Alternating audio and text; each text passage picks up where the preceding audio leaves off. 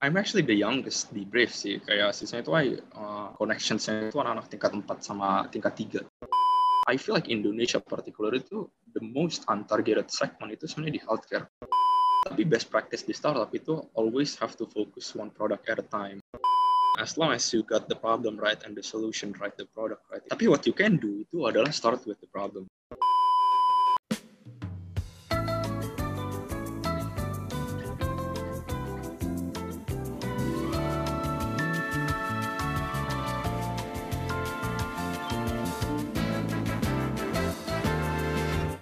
Pierce, selamat datang kembali di PR Podcast. Sebelumnya perkenalkan dulu nih Pierce. Mungkin Pierce um, kurang familiar ya sama suara aku, karena emang pertama kali nih aku ngobrol sama Pierce. Kenalin, aku Edlin, dan bakal nemenin Pierce ngobrol untuk 50 menit ke depan. Nah tentunya ngobrol nggak sendirian nih Pierce, karena hari ini aku bakal ngobrol sama narasumber kita yang keren banget, yaitu Raffi Amjad, seorang mahasiswa yang juga merupakan CEO dari startup yang namanya Brave Healthcare. Halo Raffi. Halo semuanya. Raffi ini sekarang mahasiswa tingkat berapa nih Raffi? Oh, tingkat dua sih. Baru masuk semester tiga ya. Udah mau selesai semester tiga ya okay. di Pierce kayak udah baru semester 3 udah udah jadi CEO dari startup nih. Raffi kalau boleh cerita nih um, apa sih um, kenapa bisa bikin merintis startup kayak gini? Kayak kalau kita lihat di film-film kan merintis usaha itu nggak gampang kan. Bahkan untuk orang dewasa juga mereka masih kesulitan. Makanya aku pengen tahu gimana sih cerita Raffi awal mulanya merintis startup ini. Okay, cool. Uh, so this is like the question that I really get a lot. Itu nanyain kayak why why do you create it gitu. Uh, and terus ya why now? Why not setelah S1 atau kapan pun gitu. And the most generic question that I give it's because this um, first itu um, urgensinya sih sama risknya. Uh, soalnya tuh I cenderung kind of I really like taking risk. Uh, because especially sometimes uh, high risk itu requires high uh, high benefit. Tapi konteksnya lebih kayak gini sih. I'm even if I was a kid itu uh, my my dad always push me to kayak create stuff tapi itu I feel like kayak uh, being an inventor itu sometimes feels like it, uh, everything useful itu had already been invented gitu. Kayak light bulb tires electricity and the most fake thing. Nah, terus tuh as time goes by itu tuh I feel like there's a lot of problems that hasn't been solved and therefore sometimes the, the, the, the most critical problem itu cuma bisa di solve uh, from creating a startup. Kayak apa ya that kind of thinking itu baru muncul I think the last decade. Uh, maksudnya uh, baru muncul itu as in baru um, in mainstream media and news and everything gitu. Kayak misalnya um, kan kita masih SD kita masih lebih cenderung kayak oh ntar kalau gue gede gue pengen jadi pengus apa ya um, engineer atau jadi insinyur atau jadi dokter gitu. Tapi itu as time goes by ya orang itu jadi pada pengen oh gue kalau gede pengen bikin startup gitu.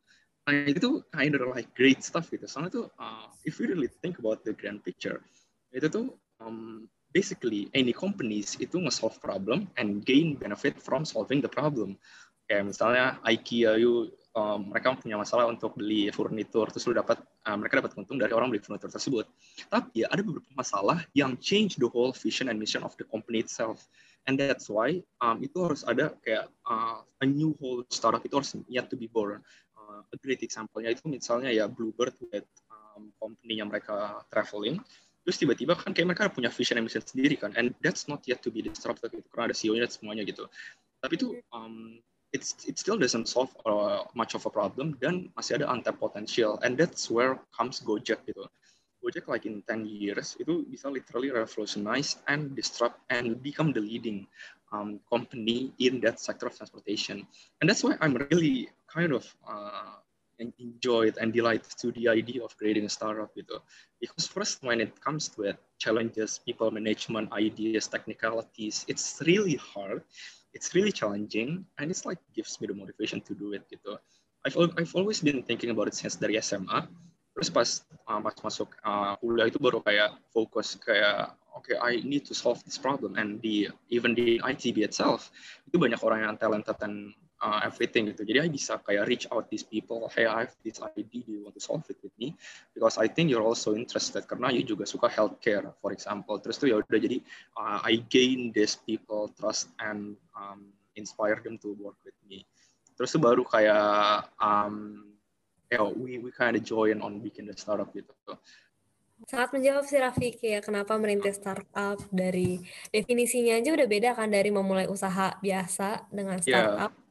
Dan kalau tadi Raffi sebut tuh udah pengen buat start- startup tuh dari SMA ya?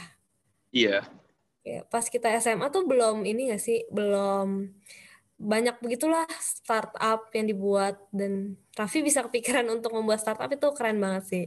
Nah, terus tadi Raffi juga singgung kalau di ITB itu ketemu dengan orang-orang yang very bright dan bisa diajak kerjasama ya. Berarti kalau aku boleh tahu, orang-orang di balik Brave Healthcare ini berarti backgroundnya itu dari ITB semua, gitu ya? iya. Iya, Dan exactly dari TB semua. apakah temennya kayak dari background yang sama, ataukah teman seangkatan, atau gimana? No, it's actually uh, I'm actually the youngest di Brave sih. Kayak sisanya itu I uh, gain connections-nya itu anak-anak tingkat 4 sama tingkat 3 Brave. So they're uh, they're really talented in technicalities. Uh, so I'm just gonna manage them along the way and talk to them kayak um, horizontally in management kayak okay uh, I work with this you work with that soalnya you um, specifically bisa manage that gitu Oh, wow, keren banget nih Raffi bisa mengajak ya teman-teman yang lebih di atas tingkatnya untuk bekerja sama Uh, di Brave Healthcare yeah. ini. Nah, dari tadi kita nyebutnya Brave Healthcare kan. Aku pengen tahu nih kenapa namanya Brave gitu. ya jadi itu pertama kali yang I solve itu sebenarnya lebih ke masalah mental health sih kayak I want to create um, a device that could detect whether someone has depression and panic episodes that's the problem statement and I was like really close to solving it tapi itu um, the, the underlying technologies to do that itu tuh kayak apa ya um, kayak it's hard to do a technology push to the market karena the problemnya itu masih tabu and vague. It's not really it's not maksudnya gini loh kayak Indonesia itu nggak ada yang really taking um taking depression seriously atau misalnya kayak orang yang orang yang bilang depression bisa di, bisa dibully and everything gitu. And terus tuh where to wear device atau wearables itu it's really hard to gain awareness and everything. Nah tapi itu um, kayak um, the, the the the journey of Brave itself itu pas I pertama kali itu tuh kayak the thing that really stands out itu the, most of the times the dogma itu tuh orang yang dis punya mental health itu tuh kayak rada malu gitu.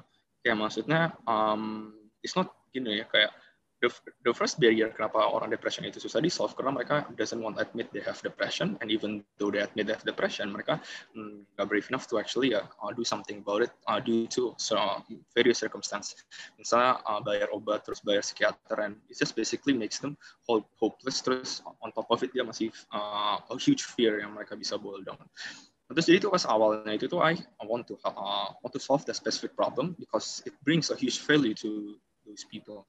Nah, tapi itu as time goes by itu oke okay, so so it's kind of hard this way. Cuman pas saya konsultasi sama psikiater, kita akhirnya pivot produk kita sih lebih ke untuk orang yang punya penyakit jantung secara general.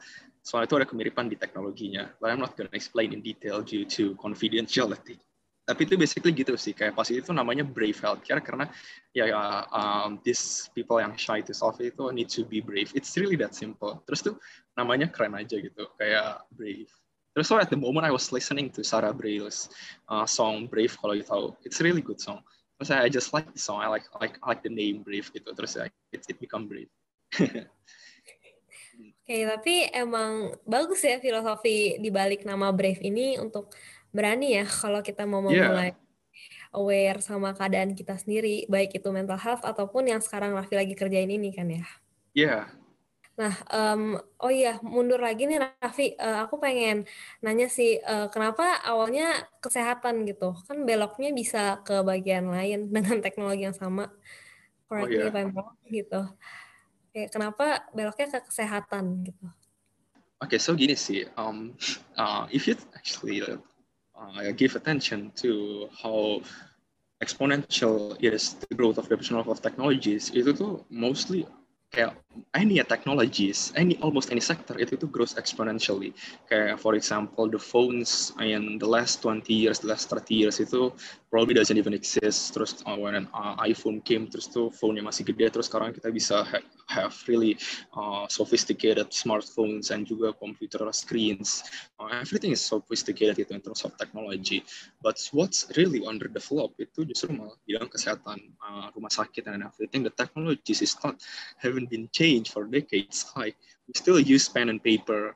Um, the device it's still roughly the same. There's no many improvements gitu because like cuman tuh especially Indonesia itu kayak it's kind of I have no idea why there's no many startups in healthcare uh, di bidang Indonesia. Probably uh, legality sama perizinan sih. Cuman kayaknya sih thanks to COVID ada startup kayak Venti yang di Salman itu udah ada muncul gitu. Terus itu jadi basically gitu sih kayak I feel like Indonesia particular itu the most untargeted segment itu sebenarnya di healthcare kayak um, e-commerce you have Shopee, Tokped, dan Bukalapak gitu. Bukalapak recently funded by Microsoft 100 US million. Terus itu kayak ya pertanian pertanian juga jarang sih. Terus uh, tapi pertanian at least sekarang perikanan sih ada e-fishery gitu. Terus itu yang transportation ada Gojek ada Grab gitu. The least yang yang the biggest the big market tapi nggak ada yang tap. Itu probably healthcare. So I was like oh so why not go there? Terus tuh dia the other thing itu sebenarnya juga healthcare increase GDP gross domestic product gitu. Soalnya gini kayak if we people have uh, bad healthcare itu bakal lead to bad quality of life. Karena artinya adalah misalnya um, example family yang uh, not good enough to buy healthcare treatment um, terus mereka get a disease misalnya for say example cancer terus mereka bisa morbidity-nya atau uh, fatality-nya lebih tinggi. Jadi mereka nggak produktif kan. Terus jadi mereka ya bakal ya, um, in summary, the rate-nya itu orang nggak bakal produktif and the whole, life nation. Maksudnya taken itu average gitu. Terus tuh the third, the third thing itu adalah the most major cost of bankruptcy itu dari biaya healthcare it also happens to my family once sih. Kayak uh, for example uh, one of my members family itu get a really chronic disease. Terus tuh the treatment of it it's really ridiculous. We need to sell a house. And it's basically uh, itu bisa aja ngefek ke kayak the savings yang itu keluar semua untuk biaya kesehatan. Terus dia nggak bisa bayar untuk kuliah for example terus tuh jadi kayak ya it, it doesn't make any sense um, it's obviously banyak banget masalah di healthcare gitu so I want to take a role tapi I'll start with a really specific niche and grow from there itu sih kenapa kesehatan it's really interesting Mm-mm. Oh bener sih, aku juga baru nyadar pas Raffi ngomong perkembangan teknologi di bagian kesehatan tuh belum jadi main fokus dari orang-orang ya. Padahal yeah. kesehatan itu salah satu faktor utama orang hmm. bisa bekerja produktif gitu-gitu. Hmm. Terus tadi Raffi ada ngomong juga kayak kalau orang orang-orang Indonesia tuh cenderung kayak kalau sakit kan ya baru baru dicari tahu dan ternyata udah parah gitu. Dan aku tuh kebetulan pernah ngelihat tulisan yang pas itu featuringnya Raffi dan Raffi tuh pernah nulis statement yang menarik nih menurut aku kalau sistem kesehatan yang kita miliki sekarang itu cenderung membuat kita ada di posisi sick care dan bukan health care. Nah mungkin bisa dijelas lagi kayak kenapa Raffi bisa berpikiran kayak gitu okay, jadi itu the thing about sick care instead of healthcare. Um, kayak hukum, kayak hukum di Indonesia, itu tuh basically kita tuh justru rumah sakit itu karena reaction, reaktif bukan action. Kayak for example, it's super personal experience gitu kayak NNI itu feels like of good kayak sehat-sehat aja terus sakit dibiarin terus atau pas sakit banget baru dia react atau pas ke rumah sakit ternyata dia kanker cervix tadi 4 which is not actually not, not only my grandma gitu it's like basically if you talk to anyone yang punya old relatives. Well, it's based it's, it based on uh, your uh, your circle of friends sih. Tapi I bet kayak if you ask 10 people, 10 people pasti ada yang have those kind of experience gitu. Karena basically we're too scared to go to the doctor just because of the medical expense atau or um, worrisome kayak oh penyakitnya severe ntar gue harus bayar mahal mendingan gue sit down terus gue minum obat terus gue tidur terus habis itu gue sehat. So it's kind of really bad gitu. Kayak people it's not it's not how supposed to be gitu. It's, it's uh, the system is not supposed to be like that gitu. It's just kayak they need they um healthcare itu should be alright bukan should be something yang um, dia takutin dan dia cuman only react pas dia sakit gitu. So that's where the definition of sick care kayak um, ya care tapi pas sakit bukan pas sehat gitu. It, that way, it's probably already too late to cure your disease gitu. It's way more easier to actually prevent pas misalnya um, sebelum sakit. Terus it's also easier mencegah survival rate-nya itu lebih tinggi um, orang yang orang kanker cervix stadium 1 daripada yang kanker stadium 4 gitu. So we got all this definition wrong, and that's why kind of the most uh, big problem juga untuk penduduk Indonesia sih. Uh, that's where the, the terms comes in. Hmm, hmm. Oh iya sih, benar sih. Kayak kalau orang-orang tuh biasa jarang ya melakukan pengecekan rutin setiap bulan gitu. Iya. Yeah. Biasa sakit tuh baru ke rumah sakit. Benar-benar. Aku juga baru menyadari itu nih, Raffi. Keren banget bisa menyadari itu lebih cepat dari orang-orang. Nah, terus aku pengen tahu ini juga sih, kayak Brave Healthcare ini sekarang udah ada produknya kan ya? Iya. Yeah. Dan salah satu produknya itu namanya Courage ya, yang namanya uh, uh, yang itu sinonim dari Brave, ya yeah, exactly. Nah, yang Courage itu katanya adalah hotline monitor ya untuk menderita cardiac arrhythmia. Itu uh. itu boleh tahu nggak kira-kira uh, apakah Brave itu produknya ada yang lain atau sekarang Courage, Courage dulu? Maaf. Oh yeah, so here's the thing sih, um, we're planning to launch Courage at least uh, next year uh, around unspecified date of course. Um, jadi itu basically kita punya timeline for the develop uh, product launch sih. Jadi itu kayak ya obviously as a company we need to always innovate. Um, jadi itu probably like the first two years after launching itu kita see the product looks well or not, uh, how many the revenues, the break even point yang udah met atau belum, uh, basic company stuff. Terus tuh based on that itu baru kita lihat kayak okay, so we actually have um, our projected scenario ya based on the demands dari hospital and everything. Terus kita lihat kayak okay, we have this uh, budget for the company, so we should uh, allocate this budget to create another product gitu. Nah, um, tapi best practice di startup itu always have to focus one product at a time karena it's basically impossible to simultaneously work on two different products.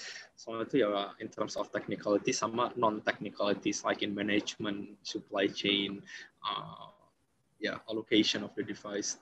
Jadi itu gitu sih kayak form now kita cuma punya one product at least in going yang kita pitch to lomba dan everything itu this product kita bandingin sama the existing competitors and what our perks and benefits this product itu how disruptive it is tapi itu baru pas um, after quite some year itu baru kita mau ngerambah to another sets of um, problems and also yeah, become more destructive along the way gitu sih. Hmm. Keren banget nih Brave ini. Berarti untuk ke depannya bakal ada further development gitu. Nah, yes. kalau aku mau tahu juga uh, mimpi besar dari Brave ini seperti apa sih dan seperti kayak dampak apa yang ingin disebarkan oleh kehadiran Brave Healthcare ini? Oh shit, that's, that's really that's a really big question. Huh, that's a really big question. Because sebenarnya gini sih, kayak uh, at least my our vision and mission itu to um, deliver the integration of technology to human to increase the quality of healthcare. Nah, it's a really a vague definition on that gitu. Cuman kita um, we just want this gini sih. We just want to give accessibility gitu to people, especially yang um, yang butuh the service gitu. For example, kayak uh, probably itu middle to apa sih namanya middle to upper class itu uh, live long uh, live longer atau ya longevity lebih tinggi rate of survival lebih tinggi karena mereka bisa pertama mereka bisa punya privilege untuk makan yang lebih sehat, therefore uh, have the right nutrition. Terus mereka kalau medical check up mahal juga nggak apa-apa and everything gitu. Tapi it goes different with the middle and lower income class. When it comes with them itu adalah mereka selalu think twice or even four times into going to hospital just because they know already the price gitu. Soalnya tuh going to the hospital to check up itu tuh kebanyakan syarat nanti tiba-tiba disuruh bayar satu juta gitu for something yang you nggak tahu apa aja. Maksudnya you, you, in the process beda gitu sama kayu makan ke uh, you makan di restoran you kan bisa tahu you pengen beli kentang makaroni and everything. Udah tahu billnya apa aja. Ya saya itu sometimes gak kayak gitu. Kayak you dioperasi misalnya you diginiin terus atau bayarnya mahal. Nah jadi itu yang kita pengen kasih itu adalah um, accessibility untuk yang misalnya bikin alat yang lebih murah tapi value-nya itu jauh lebih tinggi. Dan mereka doesn't have the fear into taking care of their healthcare makanya itu what it means to integration of technology and human to increase their quality of uh, yeah, quality of healthcare sama yeah, sometimes quality of life. It's kind of the same thing.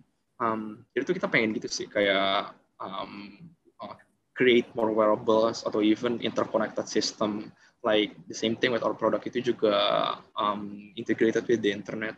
Makanya itu kita pengen do those kind of stuff to also uh, both parties yang uh, dokter di hospital sama pasien itu um, bisa lebih gede quality of uh, ya quality enggak gitu juga sih. Kayak at least passionnya itu survival lebih tinggi tapi mereka nggak perlu worry harga yang lebih uh, untuk spend dari yang mereka punya gitu. Ya yeah, I think that's the broad definition of brave itu sih. Tapi we're tackling a really specific problem at a time. Hmm kayak berarti emang mimpi besar itu very big ya kalau boleh aku bilang. Itu ingin yeah. menjamah seluruh masyarakat Indonesia untuk bisa lebih aware dengan pentingnya healthcare ini ya dan lebih mudah hmm. ya dengan Brave ini. Hmm. Nah, Aku pengen tahu juga nih, uh, selama Brave Healthcare ini berdiri, apa aja sih hambatan dan challenge-challenge yang Raffi hadapin dan gimana cara Raffi tackle itu semua? Ya, yeah, there's a lot of stuff sih. Soalnya, um, especially sekarang itu talking with investors and um, sebenarnya ada definition um, fast startup di mana um, startup from um, dari just uh, bootstrapping into actually being funded uh, seed round atau angel investor round. There, it's called the value of death. Uh, value, kenapa value of death? Mungkin ya itu uh, slow, itu antara dia naik abis itu atau dia turun terus meninggal artinya.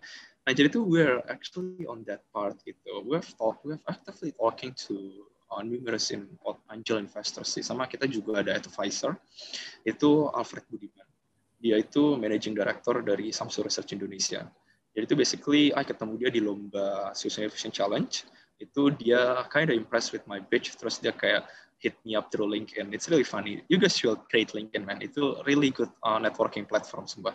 You won't regret it. Terus tuh, um, yeah, I talk with him sebelumnya di acara webinar. Itu I kasih kayak, uh, I kasih banter. Kayak, I kasih, kan Alfred yang ngomong, harus saya bilang kayak, great talk, man, atau something like that, gitu. Terus kita udah kenal sebelumnya. Terus pas kita ketemu lagi di Sika, jadi kita jadi gampang ngobrolnya ya I talk with him terus tuh dia basically ceritain pengalaman dia dulu pas masih kuliah bikin startup juga gitu it's basically kayak it's kind of a miracle juga sih kayak I dapat personalized mentor dari dia kayak um, Vi kamu harusnya manage people gini-gini, Vi kamu harusnya tech devnya kayak gini kayak gini gitu, Vi kamu harusnya kalau ngomong sama investoran tuh gini-gini gini gitu, and and and ya sih kayak um, most of um, most of the problem saya itu tuh at least I could feel ya yang blatantly obvious gitu. Kalau I listen blatant obvious, blatant obvious obviously technicalsnya itu banyak problem gitu dibagi kayak nothing nothing nothing is right when the first time you try gitu. Kayak you need to try a lot of times until the product is actually work atau bisa di pitchable gitu. And almost itu juga nggak cuma di technology dev sih, bisa juga di non technical misalnya financial forecasting. Nothing is right the first time you try itu. Terus makanya ya harus um, ini salah nih sensitivity analysis salah kata investornya gitu um, other than Alfred kita juga ada ex CEO PT Mega Manunggal Talk gitu dia dari orang finance. Kayak dia uh, suka heavily criticize our work in ton technical. Jadi itu gitu sih kayak the difficulty of startup itu sekarang ya at least. Soalnya kita raising lumayan a lot of money um, M. Oh wow. Nyampe wait, wait. M. Ya jadi itu gitu sih kayak um, right now itu kita masih trying to satisfy uh, this uh, numerous investors baru kita bisa sign. Sama ya banyak banget sih masalahnya. Uh, be a list right now gitu. ya ya it, it adds like 30 minutes discussion gitu sih kalau ngomongin masalahnya. Mungkin itu sih yang aku bisa kasih tahu tentang progress Brave sekarang dan masalahnya apa sekarang yang paling penting. Oh, uh, berarti it's really great to have a mentor ya, Raffi. Iya, iya, iya even right now I I really like mentoring people that want to create startup sih.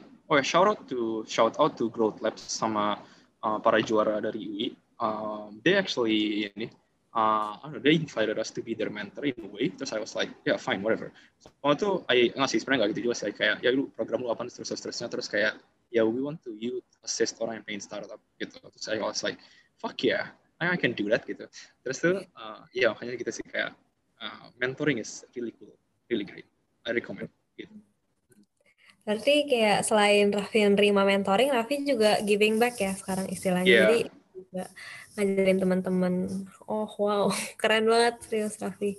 Terus tadi yang bisa aku note juga tuh teman-teman um, LinkedIn itu penting ya untuk connections dan kadang unexpected yeah. ya kayak hubungan-hubungan yang ada dari LinkedIn itu dan aku pengen tahu juga nih, uh, terus tadi kan Raffi ini sebagai CEO of Brief kan, aku pengen tahu how do you manage your team? Apalagi kan anggotanya katanya semua ada di atas Raffi gitu kan tingkatannya hmm. kuliah. Terus gimana yeah. Raffi bisa menjaga keharmonisannya gitu antara tim supaya lingkungannya tuh tetap produktif dan menyenangkan?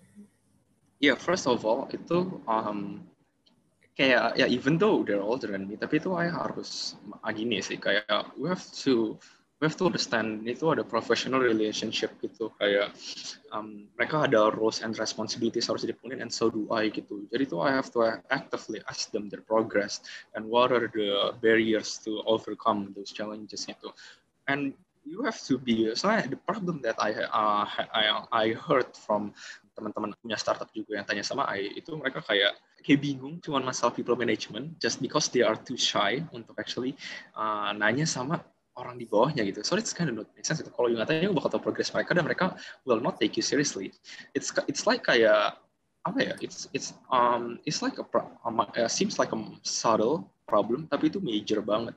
Sama tuh kayak I have to actually keep in touch juga sih sama mereka, like personally kayak um it's it's not like um kesannya tuh hierarki yang vertikal banget gitu kayak I di paling atas terus orang di paling bawah. I have to like um, also uh, knows their sense of humor kayak what kind of jokes they like. Ini tuh bener-bener ini banget sih, um, interpersonal banget sih, kayak between me and them gitu. Kayak ini orang suka uh, culture yang kayak gini, so I have to like adapt on how I talk with them. Um, and sometimes too, I have to also tell them what I don't like from them, just because they uh, so they could fix that and they could actually understand what I don't like and what's the problem they having gitu. Um, terus tuh ya little do I know itu justru actually really importantly crucial to actually gain um, respect from one another gitu. Oke, okay, dia pengennya gue kayak gini, gue akan ngikutin apa yang dia mau dan gue juga harus ngikutin apa yang dia mau gitu. And and the most fun part itu adalah um, ya bukan masalah, the most important thing itu adalah um, from yourself being a leader itu you harus jadi um, the most hardworking person karena you are um, subconsciously bakal jadi gambaran dari people below you uh, in in structural organization ya, and people yang actually counting on to you bakal also evaluate your work.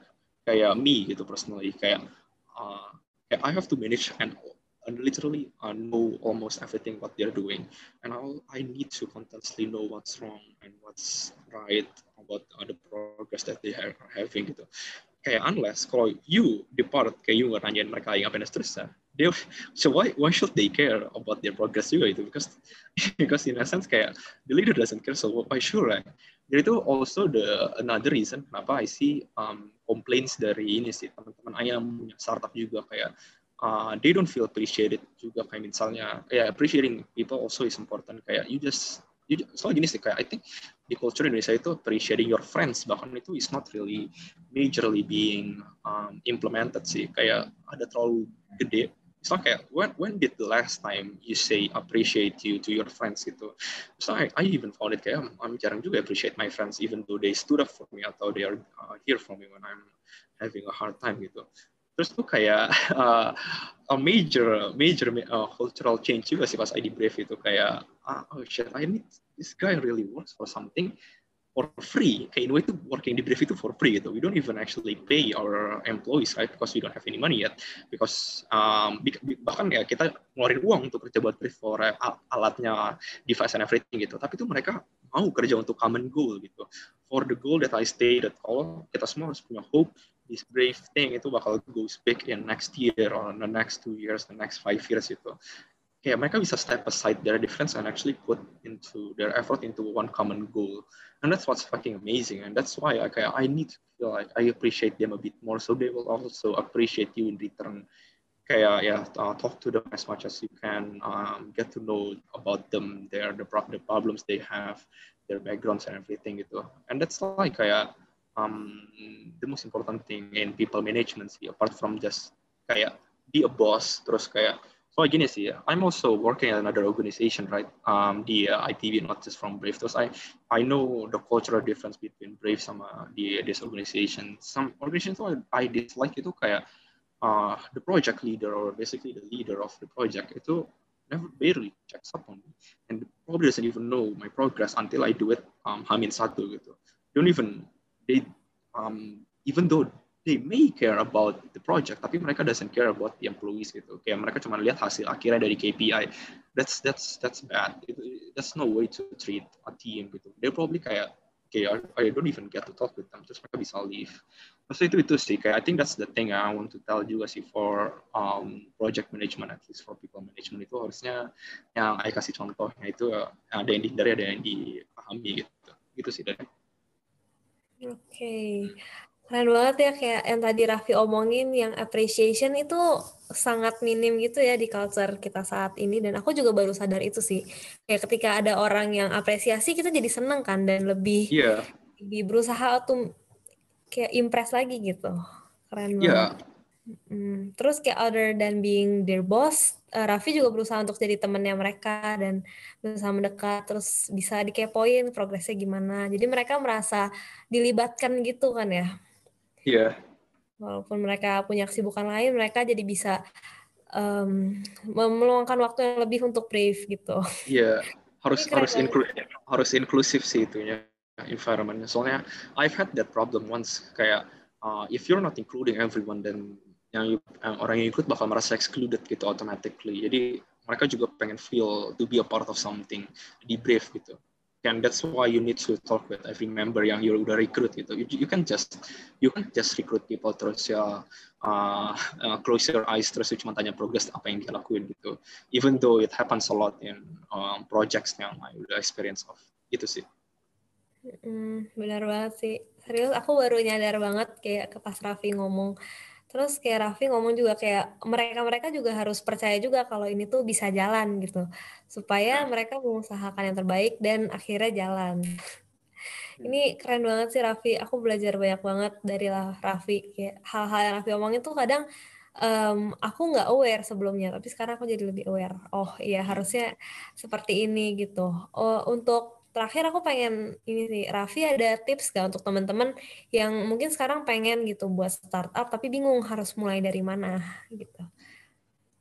Obviously, um, kalau sekarang at least jangan sampai people. Soalnya when when you are actually asking people to do work that uh, you, yang you, you, you bikin idenya itu you you harus ngobrol langsung sama mereka. Jadi online is not a good choice. Kayak at least nunggu sampai offline atau bisa ketemu dia secara langsung you see the expression everything. Tapi what you can do itu adalah start with the problem right? Karena I don't know I think like me most of startups kayak 70% or something itu they make a product that no one one wants. Jadi itu ya um, the, the the first uh, the first steps that you I could give you to subscribe to a lot of newsletter. Kayak misalnya McKinsey newsletters terus tuh read a lot of medium articles uh, basic uh, read a lot of news also and um, publish articles yang di subjek yang suka.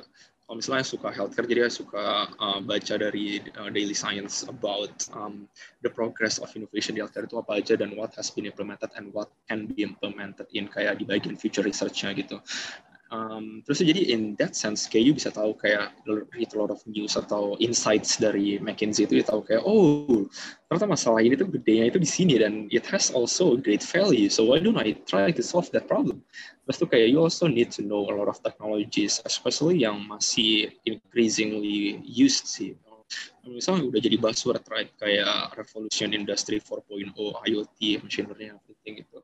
And that's kayak that's part of the thing gitu it gets everyone excited, including the investors and probably the people will yang you pengen work for, work for your startup gitu. And that's why I encourage you to um, covers a lot of um, subject atau apa ya um, subset of skills yang you bisa actually think around. Kalau oh ini ada problem ini jadi you kind of make the puzzle to uh, create this product that ultimately solve this problem. And from there baru you join uh, incubation startup. At least that's what I do sih. Kayak uh, waktu itu I bikin at least prototipe-nya dulu sampai works. Terus tuh I baru bawa ke the Greater Hub um, uh, the Greater Hub Incubator di incubation di uh, SBM ITB terus tuh pas itu kayak ya I pitch the idea the problem the solution um, the the value yang bawa dari produk I. Terus baru masuk baru jadi legit startup baru jadi legit kayak startup yang diakuin sama uh, inkubator yang ternama gitu. Soalnya kan inkubator SBM ITB itu it's open to uh, I think uh, bahkan ada ya yeah, it's, it's not limited only to ITB man. Kayak you hari ini bisa join them to shout out to SBM ITB it's it's literally the first people Kadima itu yang approve my idea even though they are very very very skeptical about me being anak TPB kayak I could see her expression kayak oh kamu masih TPB ya?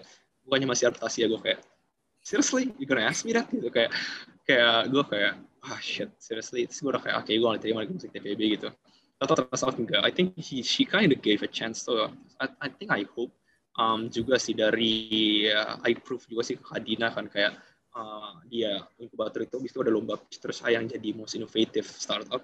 It's kind of fucking kind of cool. Terus tuh um, lomba Swiss Innovation Challenge. Terus I hope kali ini kind of change. Jadi uh, for all of you listeners yang masih uh, TPB, it's, it's not a barrier gitu. Kayak it doesn't matter on how old or how young you are. Uh, as long as you got the problem right and the solution right, the product right, itu you could do anything basically. Um, so let's uh, let's let's not create a barrier that doesn't exist. Gitu sih dari saya. Bener sih. Oke, kalau boleh aku rangkum lagi nih, uh, berarti tadi tuh kita harus bisa eh, mendefinisikan masalah yang tepat gitu ya. Banyak-banyak baca berita untuk tahu sebenarnya apa sih yang bisa kita solve dari kondisi saat ini, itu come up dengan solution dan jangan malu dulu di awal, jangan yeah. takut buat nyoba karena ada barrier yang sebenarnya kita buat untuk diri kita sendiri. Oke, benar yeah. banget keren banget bisa bisa kayak gitu karena bener sih kayak pas TPB orang-orang kadang suka look down ya oke tahun pertama ngapain sih gitu ternyata lebih inovatif gitu sangat inovatif bahkan bisa memenangkan banyak lomba ya Raffi kalau aku sering lihat iya. brief yeah. ITB gitu Pierce. Jangan lupa buat dicatat. Tadi ada banyak banget nih pelajaran yang mungkin Pierce juga baru pertama kali dengar dari Raffi kali ini. Thank you banget nih Raffi udah meluangkan waktu dan menceritakan tentang perjalanan Brave masa-masa yang dihadapi dan lainnya semua. Thank you banget hmm. Raffi. Thank you juga buat Pierce yang udah ngedengerin sampai sekarang Nah, tapi tenang aja nih Pierce, karena podcast kita selanjutnya itu pasti akan ada lagi setiap minggu dan pastinya nggak kalah keren sama yang kali ini. Thank you Pierce semuanya, thank you juga buat Raffi. Dan share the story and enjoy the journey. Bye-bye!